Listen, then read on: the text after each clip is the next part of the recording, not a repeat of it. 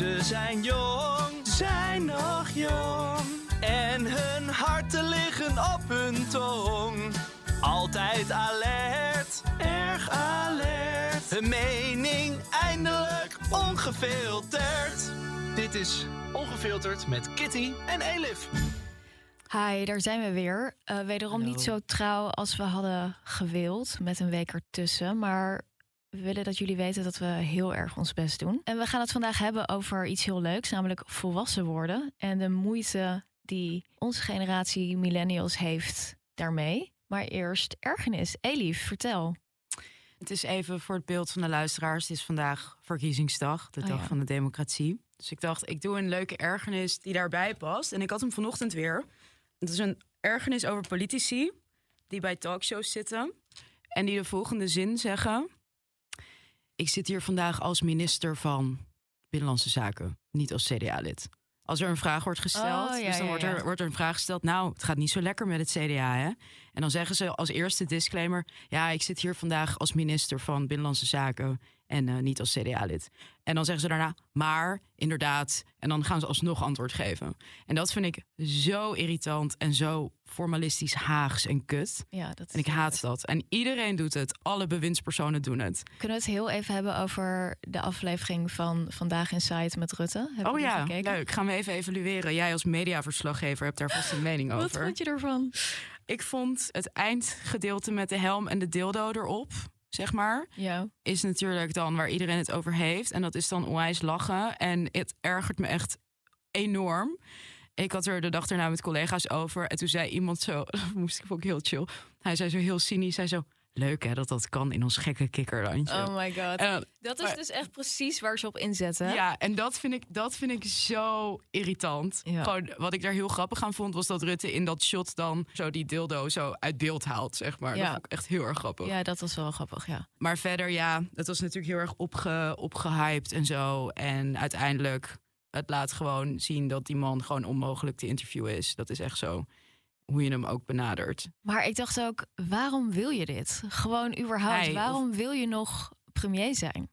En door deze hoepel springen, ja, het, het was zulke gênante televisie. Ik, ik kreeg gewoon pijn in mijn buik ervan. Heb Gewoon je het op, helemaal gekeken? op elke mogelijke manier. Ik moest soms gewoon wegkijken, omdat het te, veel pijn deed. Alles was gênant eraan.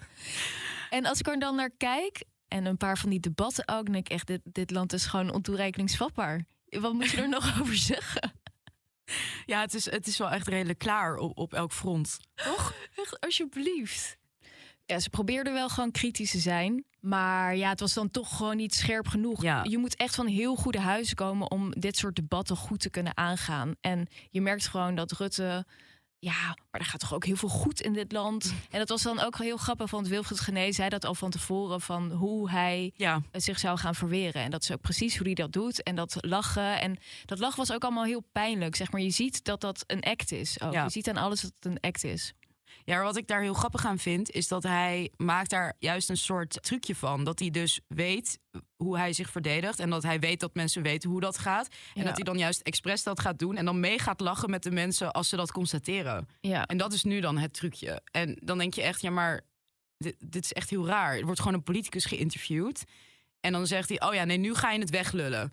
En dan gaat hij het weglullen. En dan is nou, nu heb je weggeluld. Ha, ha, ha, ha. En dan gaan ze er allemaal heel hard om lachen. Ja. En dat is het dan. Ja, En dan, en dan daarna nog die, die helm met die dildo erop. ja en Weet. dan, dan, hij wordt dan ook op sommige vlakken wordt er zo van ingehakt dat.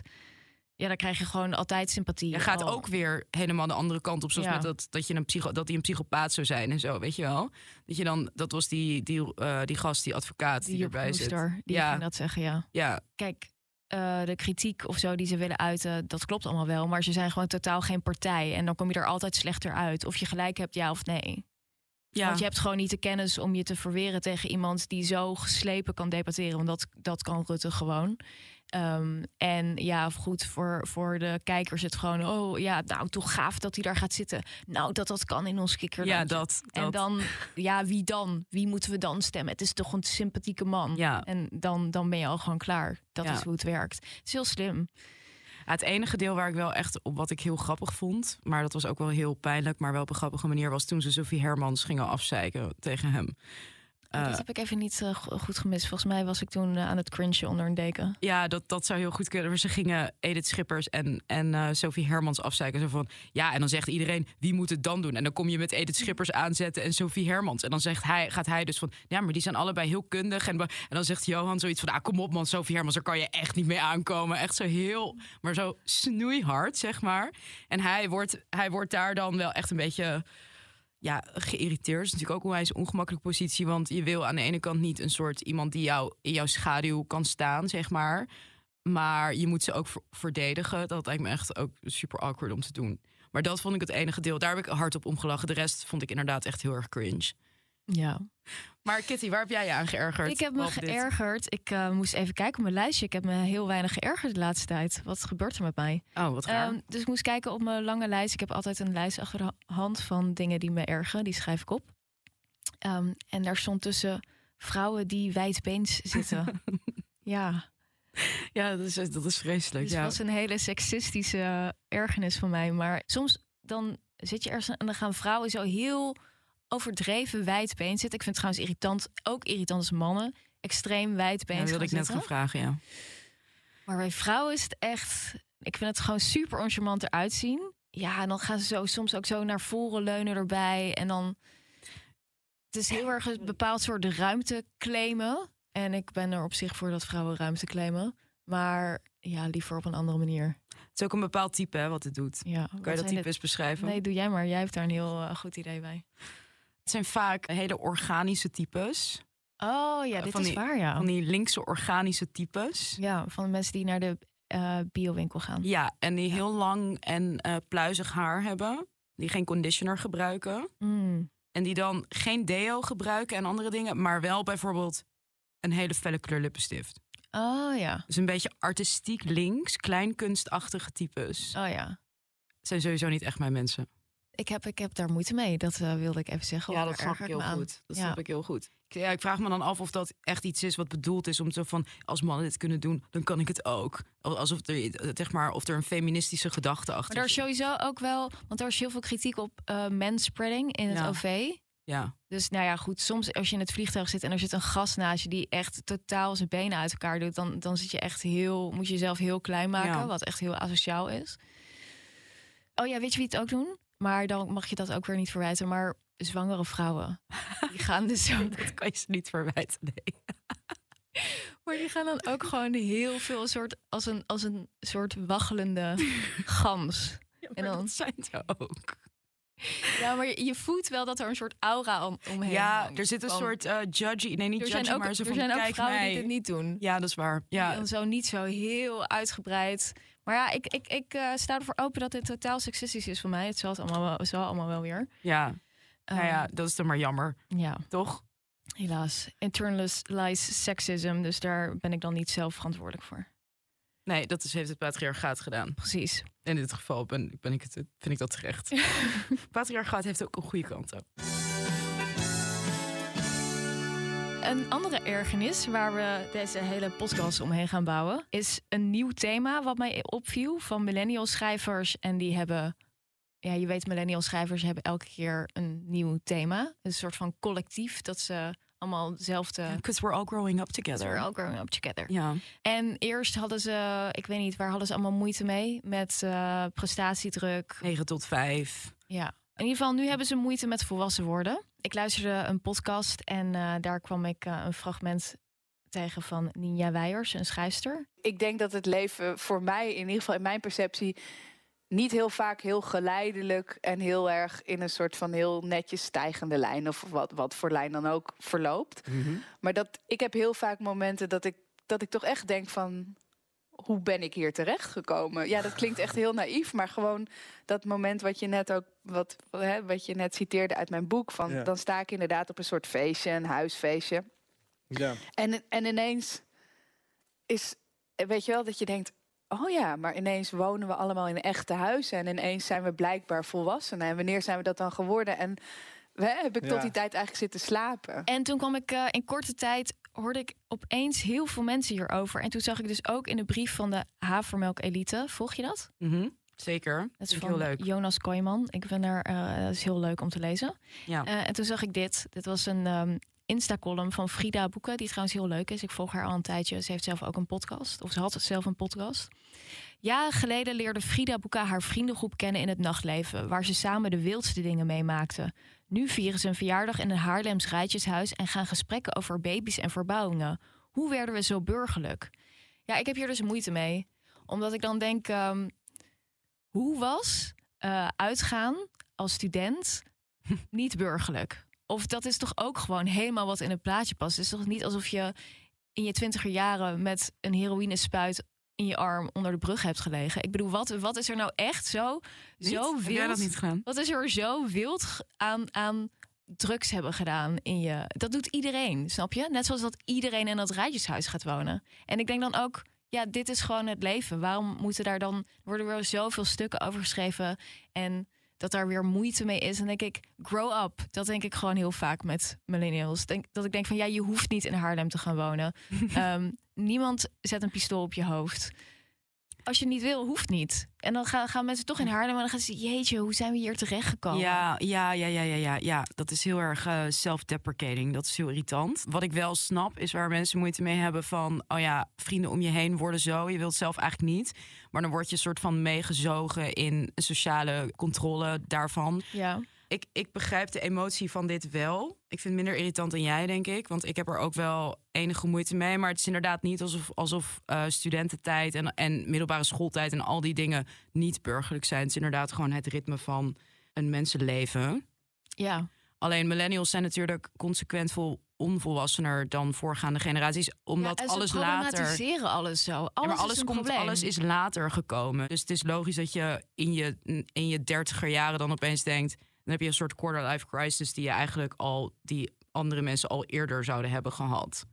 Ja, op een 25 of zo. Omdat andere mensen al gaan baren op die leeftijd. Ja. Maar hoogopgeleide millennials zijn dan nu denk gewoon sowieso te veel na ook. En problematiseren inderdaad alles. Dat klopt. Dat is echt zo. Alles wat alle levensfases worden geproblematiseerd. Alle, alle, alle dingen die een soort van bij het leven horen worden geproblematiseerd. zoals werken. Dan, dan, dan, heb je te weinig. Ja, werk inderdaad. Maar dan, dan denk ik, dan heb je ook gewoon te weinig aan je hoofd. Zeg maar, dan heb je te weinig echte problemen. Als je de meest basale dingen in je leven gaat problematiseren. Nou, je kleine ikje is de hele tijd wat je aan je hoofd hebt. Je hebt geen externe problemen. Dus je leeft niet in een oorlogsgebied. Of je hebt geen uh, zeg maar extreem.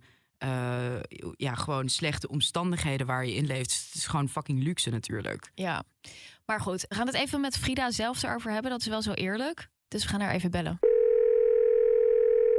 Dit is de receptie van Ongefilterd met Kitty en Elif. Ik verbind u door. Ik heb jouw stuk gelezen en we hebben het over de moeite met volwassen worden. Wat wij op zich ook wel deels herkennen, maar waar we ook moeite mee hebben. Ik vroeg me af, ja, wat is dat, denk je? Dat, dat, want jij schreef daar een Insta-column over, wat ik trouwens een superleuke vorm vind. Maar waarom denk jij dat je daar zo, jij persoonlijk en breder de generatie, zoveel moeite mee heeft om volwassen te worden in vergelijking met andere generaties? Ja, ik denk ehm, als generatie settelen wij natuurlijk veel later weer dan de generaties voor ons. Dus ehm, we hebben best wel lang ook in onze twintiger jaren uh, geld om een leuk leven te leiden. Want we beginnen vaak ook al eerder met werken. Onder andere omdat die studiebeurs er ook uit is. En um, daardoor raken we denk ik ook gewend aan een bepaalde levensstijl. We gaan veel uit eten, we doen leuke dingen. En beroepen ons daar ons heel erg uh, ja, op onze vrienden ook. En ja, het afscheid daarvan nemen en ouder worden en kinderen krijgen is denk ik daardoor een, ja, een grotere breuk misschien met het leven wat je daarvoor hebt dan voor de generaties voor ons. Dat geloof ik. En hm. er zijn ook steeds meer singles. Dus die singles die zien allemaal hun uh, bezette vrienden, zeg maar zo, ja, druppelsgewijs de vriendengroep half verlaten of daar nog met één been in blijven, omdat er gewoon verantwoordelijkheden gemanaged moeten worden, zeg maar. Dat vind ik zelf af en toe best wel ingewikkeld. Dus die spontaniteit die gaat er dan ook een beetje uit. En ja, ook die clichématigheid. Ja, en dat komt natuurlijk ook door social media. Ja, alles komt tegenwoordig door social media. Maar je ziet ook heel erg bepaalde producten die alle ouders dan hebben of zo. Weet je, al die jonge moeders en vaders die met zo'n daddy tas, zo'n grote luiertas van zacht spul dan door het Vondelpark banjeren. En zo'n kinderwagen met van die grote wielen en zo. En dat voelt dan ergens als een beetje zo die nieuwe burgerlijkheid. En Maar wat is daar erg aan? Wat is er erg aan? Het is toch mooi als je die, die mooie teddytas kan eh, kopen? En je hoeft hem ook niet Ja, te kopen. zeker. Nee, nee, nee, zeker. En op microniveau is het natuurlijk helemaal top als jij die tas graag wil en je hebt hem helemaal heerlijk. Alleen het ziet er daardoor wel steeds meer hetzelfde uit om naar die levensfase over te gaan. Dus daardoor ga je er allemaal ook een beetje hetzelfde uitzien. En dat stuit mij wel een beetje tegen de borst of zo. Dat het zo hetzelfde wordt allemaal. Maar waren we daarvoor niet ook heel erg hetzelfde eigenlijk? Ja, festivals, ecstasy doen, is dat niet ook gewoon allemaal heel burgerlijk en in het plaatje van hoe je je studententijd Ja, moet? zeker. Nou, kijk, dat, is, dat ben ik helemaal met je eens. Dat is ook een cliché. Dus zeg maar dat feestleven, dat doet ook iedereen op dat moment in zijn leven hetzelfde. Maar daar zit een bepaalde onvoorspelbaarheid in, die voor mij en ik denk ook voor veel anderen aantrekkelijk is. Dus iedereen is op die leeftijd oud en about. En het zit hem in het party, maar het zit ook wel in dat je gewoon met z'n allen op zondagmiddag samen brak op de bank hangt. En daardoor ook een bepaalde ja, intimiteit in je vriendengroep hebt die er later minder is. Dus dat je daar misschien nostalgisch naar bent. Of tenminste, dat heb ik af en toe wel. Maar moet jij niet gewoon in een commune wonen? Dat meen ik even oprecht. Ja, oké. En, en, en hoe zie je dat voor je dan? Waar we de hele dag met elkaar op de bank hangen? Ja, nou ja, dan zit je gewoon dicht bij elkaar en dan help je Maar elkaar. en Haarlem is, toch, Haarlem is toch ook gewoon een soort commune? Nee, dat is te groot. Een baarcommune inderdaad. Misschien moet je verhuizen. Maar ik vind het wel mooi wat je zegt over eh, intimi- intimiteit met vriendschappen. Dat inderdaad eh, dat dat soort dingen van samen hangen, dat, dat doe je steeds minder. Het is vaak van die afspraken en Drie weken van tevoren. ja, Dat, dat haat ik echt Ja. heel erg. Ja. Dat vind ik echt heel erg leuk. Ja. Inderdaad. Ja, dat, dat vind ik ook zo lastig. Omdat je dan... Je wil wel eigenlijk die afspraak maken. Want je wil wel die vriend of vriendin graag zien. Maar dat je dat zo ver van tevoren moet plannen. Ja, misschien heb ik er dan wel helemaal geen zin in op dat moment zelf. Ja, Maar ja, je kan ook niet anders, want ik ben bijvoorbeeld zelf single, dus je kan me ook niet anders, eh, ik kan me niet anders dan schikken naar die levensstijl van hem, want anders dan ja, ben ik ze helemaal kwijt, want zij gaan niet naar mij toe bewegen. ja, dus je ziet het gewoon gebeuren in jouw vriendenkring eigenlijk. Ja, Oh ja, ik ben juist die, eh, jij bent Joost eh, ik, in die column. ik ben, nou, ik ben niet Joost, maar ik wilde Joost wel opvoeren, omdat ehm, wat Elif net ook zegt, van ja, is dat dan niet ook een cliché? Dat je zeg maar die, die ecstasy gebruikt eh, in je twintiger jaren, ja. Ja, kan je, Dat kan je even vertellen, En want niet iedereen daar- heeft de column gelezen, welke functie Joost heeft in de column? Nou, kijk, Joost is zeg maar de enige persoon in die vriendengroep die afstand heeft genomen en eigenlijk nog steeds in dat feestleven zit. Ja, En die, eh, die, die blijft gewoon lekker nachtvlinderen en dat moet hij ook zeker doen. Maar dat is natuurlijk ergens ook een cliché. ja. Dus dat is niet per se de oplossing om daarin te blijven hangen, denk ik. Want dan ja, ben je ook die mensen kwijt die daar niet in blijven hangen. Wat ik Ja. boeiend ook vind, is dat ik denk dat ehm, nou, millennials ehm, gewoon heel veel moeite of zo hebben met accepteren dat er geen perfecte uitkomst is. Dus het is zeg maar, zo'n feestleven is niet. Dat is ook een beetje, ja, nou goed, veel mensen vinden dat ook gewoon sneu, of dat wil je ook niet meer.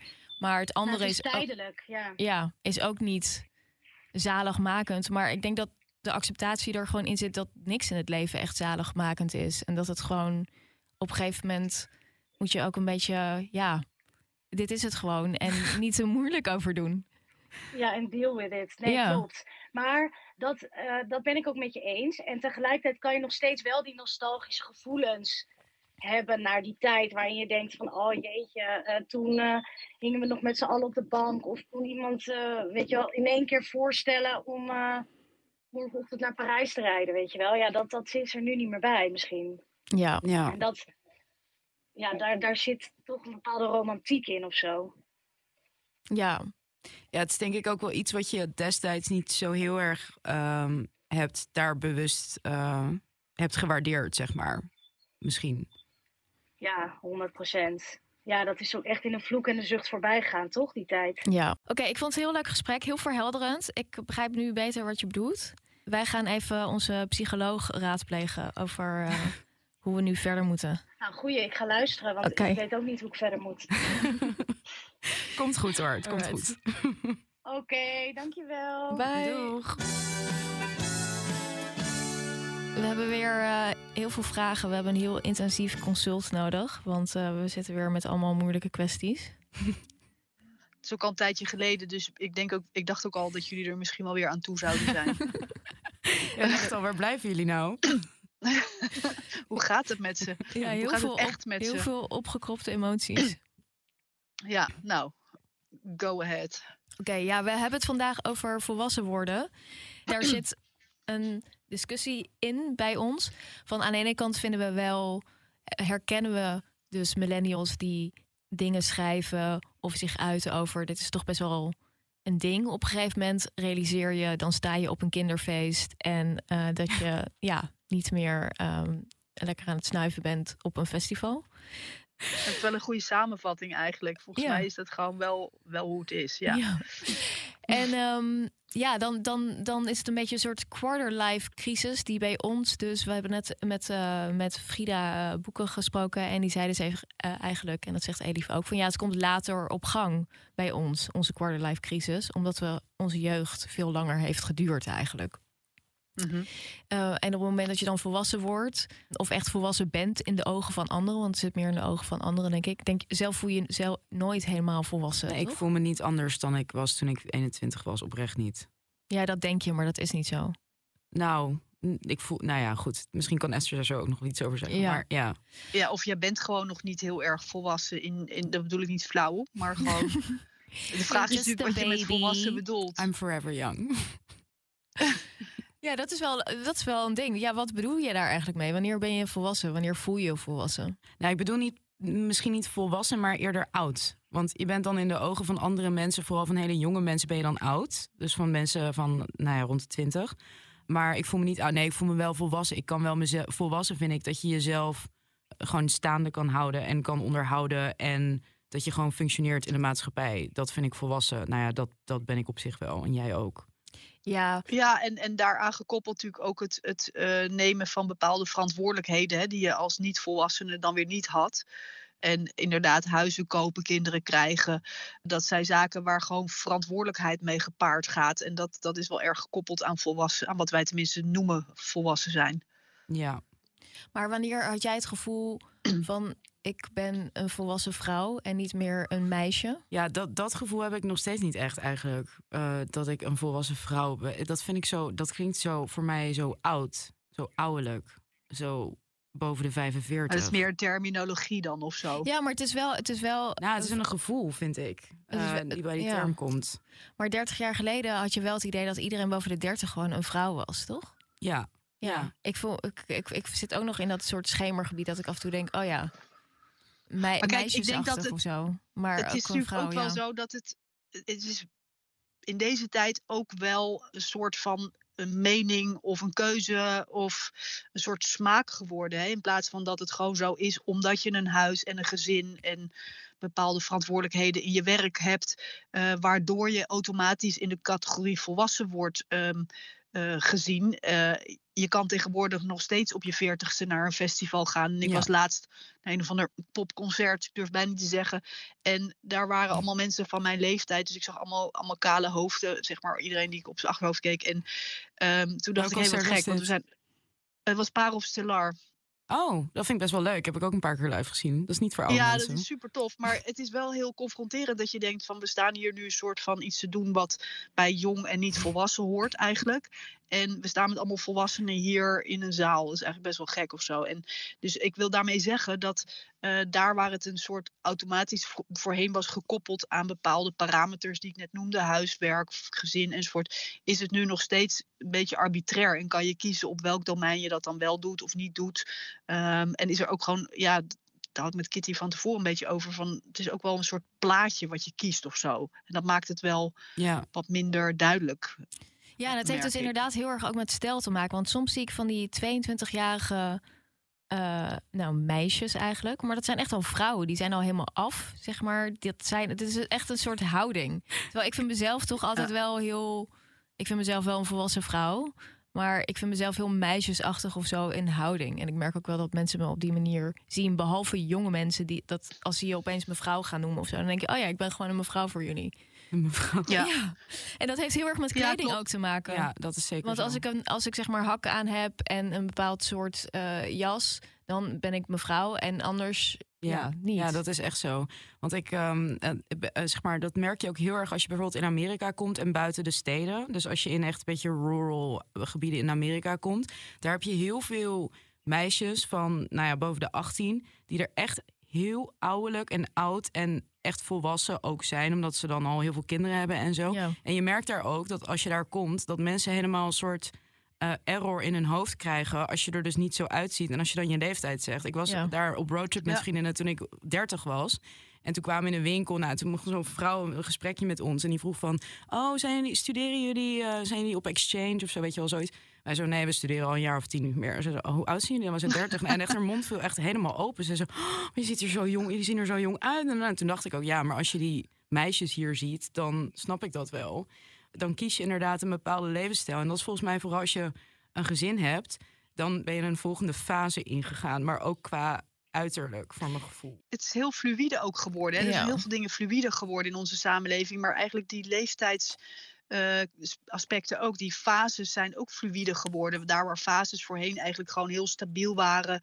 Eh, en natuurlijk met wat variatie van een paar maanden of jaren. Maar met eh, nou ja, rituelen, overgangsrituelen van de ene fase naar de andere fase. En nu is het eigenlijk één grote brei aan eh, ja, keuzes, stijlen, wat je Ja. kiest, wanneer je wat kiest, enzovoort, enzovoort. Dus er zit heel weinig structuur meer in op de een of andere manier. Behalve natuurlijk als je inderdaad misschien gereformeerd bent en al op hele jonge leeftijd een gezin hebt Ja. en je ook op die manier kleedt. Ehm, maar dat is vrij uitzonderlijk geworden eigenlijk. Maar je kan nu ook gewoon wel een beetje eh, switchen tussen die fases, toch? Dat is best wel normaal geworden, Ja, natuurlijk. Je hebt ook eh, moeders van, van 50 met studerende kinderen die eruit zien als een student van, van 26, weet je wel, met Ja. qua styling. Ehm, en zich soms ook wel zo gedragen trouwens. Ja. Dus dat is, ja, dat is allemaal veel minder vaststaand dan het ooit is geweest. En dat heeft wel voordelen natuurlijk, hè, dat je niet zo vast zit. eh, en dat je een beetje kan, eh, nou, ik zeg je dat, hoe je het zelf wil, dat kan invullen. Maar het kan ook wel verwarrend zijn op de een of andere manier. Ik vind dus dat onze leeftijdsgroep hele basale dingen altijd problematiseert. Dus verwachtingen van de maatschappij hebben we dus in hun twintiger jaren prestatiedruk en weet ik veel wat. En, dat is, en ze doen dan allemaal alsof dat iets super uitzonderlijks is. In zeg maar, ja, we hebben, we hebben met zoveel druk te maken. En dan denk ik, ja, ja alsof dat, dat is toch niet iets nieuws. Zeg maar, er worden gewoon dingen van je verwacht in het leven. Ja, prestatiedruk hoort er ook bij, denk ik deels. En dan nu is weer zoiets van, oh ja, de nieuwe fase volwassen worden, dat wordt dan weer geproblematiseerd. Terwijl ik dan ook denk deels van, ja, dit hoort toch ook gewoon bij het leven. Ik grow up, weet je? Ja, maar jullie zijn misschien toch wel, als ik jullie mag zeggen, de eerste generatie die daarin toch wel een beetje spannend is opgegroeid. Hè? Met nou ja, heel veel aandacht voor of het wel veilig en fijn en leuk is. En allemaal uitkomstmaten die, die natuurlijk allemaal belangrijk zijn, maar die, ehm, die ook wel kwetsbaar kunnen maken. Want het is inderdaad, zeker als volwassene, is het niet altijd leuk en fijn. En moet je soms gewoon je mond houden en door en verdragen.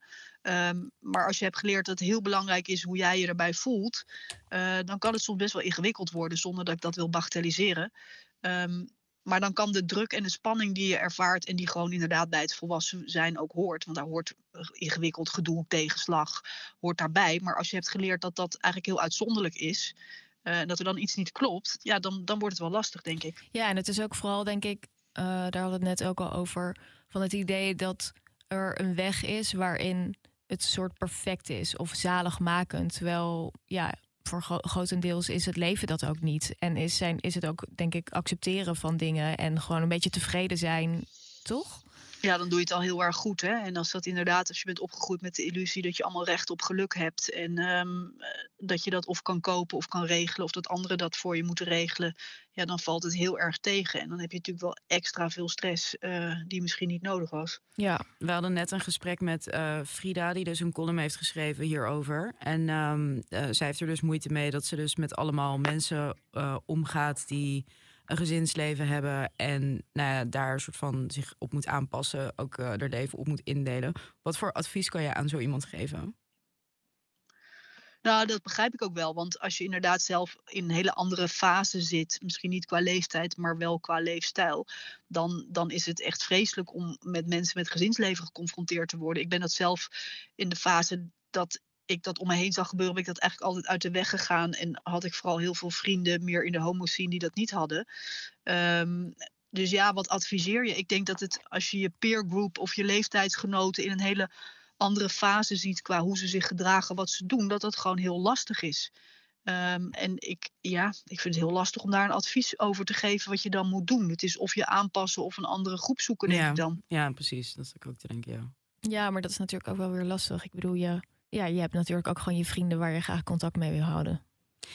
Ja, Maar goed, dat is natuurlijk altijd het dilemma van vrienden die kinderen krijgen en dan zo absorbt zijn door kinderen en alles wat daarmee samenhangt, dat ze niet meer kunnen luisteren naar jouw problemen zoals dat vroeger zo leuk ging. Eh, en dat dat gewoon heel frustrerend is. Ja. ik snap het beeld wel. En het is ook wel zo, maar ik heb ook best veel vrienden die kinderen hebben die helemaal niet zo zijn. Die gewoon eigenlijk gewoon exact hetzelfde zijn gebleven. Ook in interactie met vriendengroepen en zo. Je moet daar misschien gewoon ook veel harder in zijn en afspraken over maken. En wat ik wel veel zie, is dat mensen dan maar verdragen dat het over dingen gaat die ze eigenlijk niet boeiend vinden. En dan achteraf denken, jezus, wat was dit voor afspraak of wat was dit vervelend. Ja. Ehm, en het helpt natuurlijk ook om gewoon één op één ergens in, in de stad af te spreken in plaats van bij iemand thuis. Dus dat soort hele simpele praktische dingen kunnen ook helpen. Ja. Ja. Oké, we hebben weer heel fijn ons hart kunnen luchten. Ja. Maar hoe gaat het nu dan met jullie? Gaat het beter? Ja, nu gaat het beter. Ik Ja, ja, het gaat- even deze ergernis kwijt. Het komt ook denk ik omdat ik eh Fleischman is in Trouble heb gekeken. Eh, kijk je dat? En wat Esther? heb je. Nee, nee, Oh, dat moet je echt kijken. Dat is Ja, echt een is echt leuk. heerlijke serie. Maar daar zit dus ook één hoofdpersoon, of een van de personen, Libby, die zit ook in deze fase. Dus die zit dus ook in de 30 en iedereen is allemaal zeg maar in de 30 en of in nee, in de 40 zijn ze zelfs. Het gaat heel erg over die fase van waarin huwelijken stranden en waarin iedereen gewoon alleen maar super kut doet tegen elkaar en gewoon zo'n Dat is onze kinderhel. volgende fase. Die kinderhel. komt eraan dan, toch? Ja. Dat wordt dan. Ja. Maar ze zijn exciting. allemaal gewoon, alles is gewoon zo zwaar of zo. En, en ik vind het dan lastig, want ja, ik mag er dan geen mening over hebben, want ik heb dan geen kinderen. Of tenminste, dat, wordt je, dat gevoel heb je er dan altijd bij. Maar dan denk, denk je wel van, jeetje. Het, is, het ziet er allemaal niet heel appetijtelijk gewoon, uit. Lighten up, dat denk ja, je gewoon. lighten up, denk ik. Toch? Het is allemaal niet zo. En dan, dan Ja. gaat het de hele tijd over ja, en waarom... Of dan heeft die Libby ook heel erg. En ik kan me weer dan mezelf voelen met mijn vrienden van vroeger. En dan denk ik echt, ja, je hoeft niet in New Jersey te gaan wonen. Zeg maar, Ja, waarom... zij woont ook echt in zo'n zo'n zo'n afschuwelijk suburb ja, huis als dat zo, niet ja. bij je past. Zeg maar, je kent jezelf toch op een gegeven moment. Als je in de dertig bent, dan weet ja. je dat toch gewoon. Dat dat niet bij je past. Waarom doe je jezelf dat aan? Ja. Ja. Ja, en dat vind ik ook wel echt een van de meest treurige dingen van volwassen mensen. Eh, zeg maar een beetje zo, eh, vooral die, die studenticoze types van vroeger, die dan alleen maar die studententijd zo aan het idealiseren was. Dat ze toen echt leefden, dat het toen echt geweldig was. Weet je wel, zo heel de tijd met je hoofd dan in een andere fase gaan leven, omdat je het nu niet goed kan regelen voor jezelf. Dat het een beetje fijn en leuk is. Dat vind ik heel erg treurig. Ja, maar trouwens. misschien is het ook omdat ik het zelf niet zo heb ervaren. Dat ik, ik vind mijn studententijd helemaal niet de leukste tijd van mijn leven. Ik vind het gewoon fijn om in de dertig te zijn en een baan te hebben. En dat alles is goed gekomen. En dat ik eh, eh, geld heb om leuke dingen te doen. Ja, en dat je het veel, veel bevredigender leven hebt op elk vlak eigenlijk. Ja, het, het, het is ook zo'n eh, vrijheidsberoving die ze zichzelf hebben aangedaan, maar wat ze dan doen Ja. alsof dat niet door hen zelf komt. Dat vind ik ook zo irritant. Nou ja, goed, je moet een keer hier- afstuderen. Hiermee vat je het zo mooi samen. Het is inderdaad die vrijheidsberoving die dan wordt geëxternaliseerd, inderdaad. Terwijl ze hebben elke keuze meestal zelf gemaakt. Ja, Kijk, Ja. zie je, ik heb jullie toch kunnen opzwepen om je ook hier aan te ergeren. dank je nog Nou, iets om aan te ook ergeren. Precies wat ik nodig had. Maar Hou goed, nou op, want het ging net goed. Ja. Ja. ja. Nou, ik vond het een heel, eh, heel fijn gesprek. ja, opbeurend gesprek. Heel opbeurend. Nou, wederzijds en fijn om jullie weer gesproken te hebben. En hou vol, zou ik zeggen. Ja, En eh, anders gewoon weer bellen. ja snel een nieuw eh, consult. Ik denk dat we het snel weer nodig nieuwe hebben. afspraak, is goed. Oké. Bye, dankjewel. Doei. Bye. Hey, succes. Bye bye. Doeg. Doeg. Ik denk dat onze conclusie is dat, ehm, dat we er ook over nadenken over volwassen worden. Maar dat we uiteindelijk ook gewoon denken van... Nou, ik, ik vind wel altijd wat jij altijd zegt: van dat je inderdaad gewoon je moet realiseren dat niet alles eh, heel leuk is of zo. En dat, dat je gewoon een soort van tevredenheid moet hebben met. Ja, dit klinkt echt zo cliché. Maar zeg maar met van die kleine normale dingen. Dat, dat het zeg maar niet alles heel erg dramatisch is. Nee, Ik denk dat dat eigenlijk. wat een prachtige levenslessen deel ik hier toch uit. Ja, het is wel een beetje een deceptie. Wat het probleem is, denk ik, is dat mensen heel erg over het algemeen streven naar een soort ultiem geluk. Terwijl echt, ik denk echt dat je veel meer moet streven naar s- Geluk tevredenheid. zit in kleine dingen, in momenten. ja, dat is, dat is, dat Geluk is is een kut. momentopname. Dat, dat klinkt echt Is wel waar. Nee, dat is wel waar. Ja, maar dat is ook zo. Want Ja. een geluksgevoel kun je hebben als gevolg van een tevredenheid die je voelt, denk ik, met je leven. Ja, en daar. Maar ook, kan ook heel random opeens uit iets heel raars komen soms. ja, heb je wel eens. Ja, ik heb dat dus... Weet je Oh wanneer ik dat heb? Ik heb er nu al zin in. Want ik heb dat dus altijd als het lente wordt. Oh. Ja, nee, echt. Maar dat, dat je dan dus op, op die eerste lentedag... ben ik echt heel gelukkig als ik naar buiten ga. Ja? Ja, echt. Dan ben ik echt serieus. Oh, dat vind ik echt super schattig. Ja, maar met dat soort dingen heb ik het dus. Gewoon, ja, gewoon... Soms gebeurt het when you least expect it. Dat is waar. Goed, dit is wel heel positief. Laten we weer even gaan haten. Ja, goed idee. Influencer.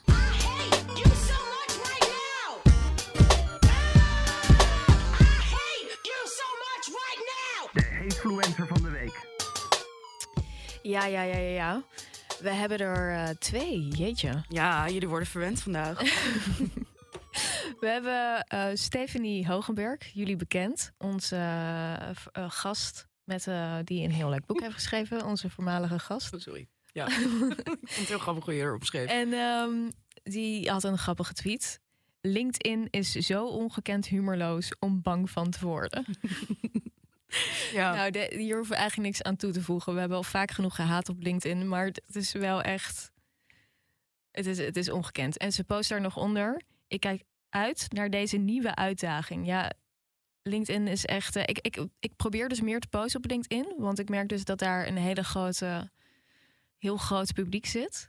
ja. Maar ehm, ik, heb, ik heb heel veel moeite met dit sociale medium. Ik, heb, ehm, ik probeer ook daar te posten, maar het voelt echt als een onwijs moedje. Elke keer dat ik denk, oh ja, LinkedIn. Ik, ik kijk er zelf ook bijna nooit op. Ja. Maar de Eh, humorloosheid, ik vind dat ja. perfect omschreven. Je wat een leuk iets is om te testen? Misschien doe ik dat wel. Om haar tweet te posten op LinkedIn. Oh ja, dat moet je even doen. Zou ik dat doen? Ja, als promo voor onze podcast. Ja, oké, dan ga ik, even, ga ik straks even doen. Dat ik en dan gaan we idee. volgende keer bespreken hoe het was. de reacties bespreken. Ja. Ja. Hoewel ik denk dat mijn, mijn netwerk is natuurlijk, heeft natuurlijk wel humor. Dat weet je. Dus ehm, ja, niet Nou, representatief, denk Oké, ik. we gaan het zien. Eh, ja, ik had ook nog een hatefluencer. En dat is, eh, ik zie weer die foto, ik moet echt heel erg om lachen. Eh, dit is een visuele hatefluencer, dus we gaan dit ook straks op onze Instagram pagina zetten, zodat jullie er een beeld bij hebben. Maar het is van Saartje, eh Eikenhorst op Twitter. Ehm, eh, sorry. Ze heeft een foto van een baby gepost. En er staat boven, zagrijnig makend lelijk. Baby's met een strik op hun kale kop. en dan is een foto van een baby met een strik op haar kop. Een roze Ja. strik met hartjes erop. Mag je nog heel even kijken? Ja, dat ziet er heel irritant uit. Ja, het is irritant, hè? Ik weet ook niet waarom. Ja, zagrijnig makend lelijk is we, we inderdaad hebben, wat we hebben wel weer ehm, ja, goede gehaat op vrouwen, gehaat op baby's. Ja. Eh, Je luistert naar de Patriarchy podcast door Kitty en Native. maar eh, nee, maar dit is heel irritant. Dit is Ja. echt heel irritant. Soms zie ik dit ook op straat en denk ik echt, doe normaal, man. Maar ik vind sowieso, soms doen mensen hun kind bijvoorbeeld een pak aan.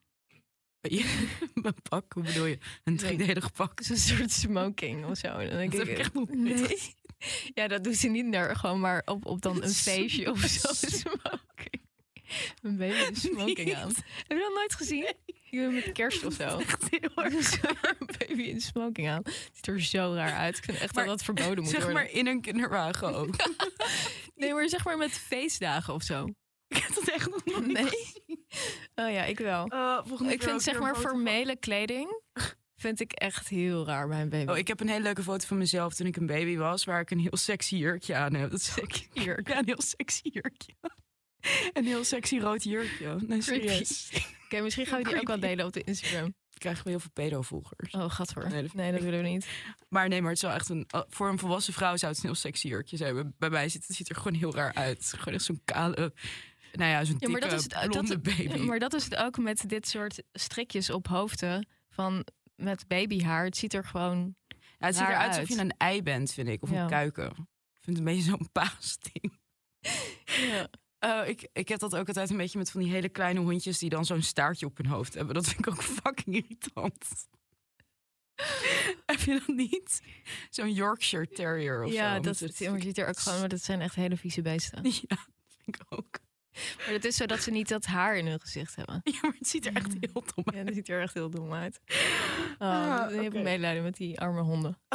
Kijk, ik ben echt aan het doodgaan.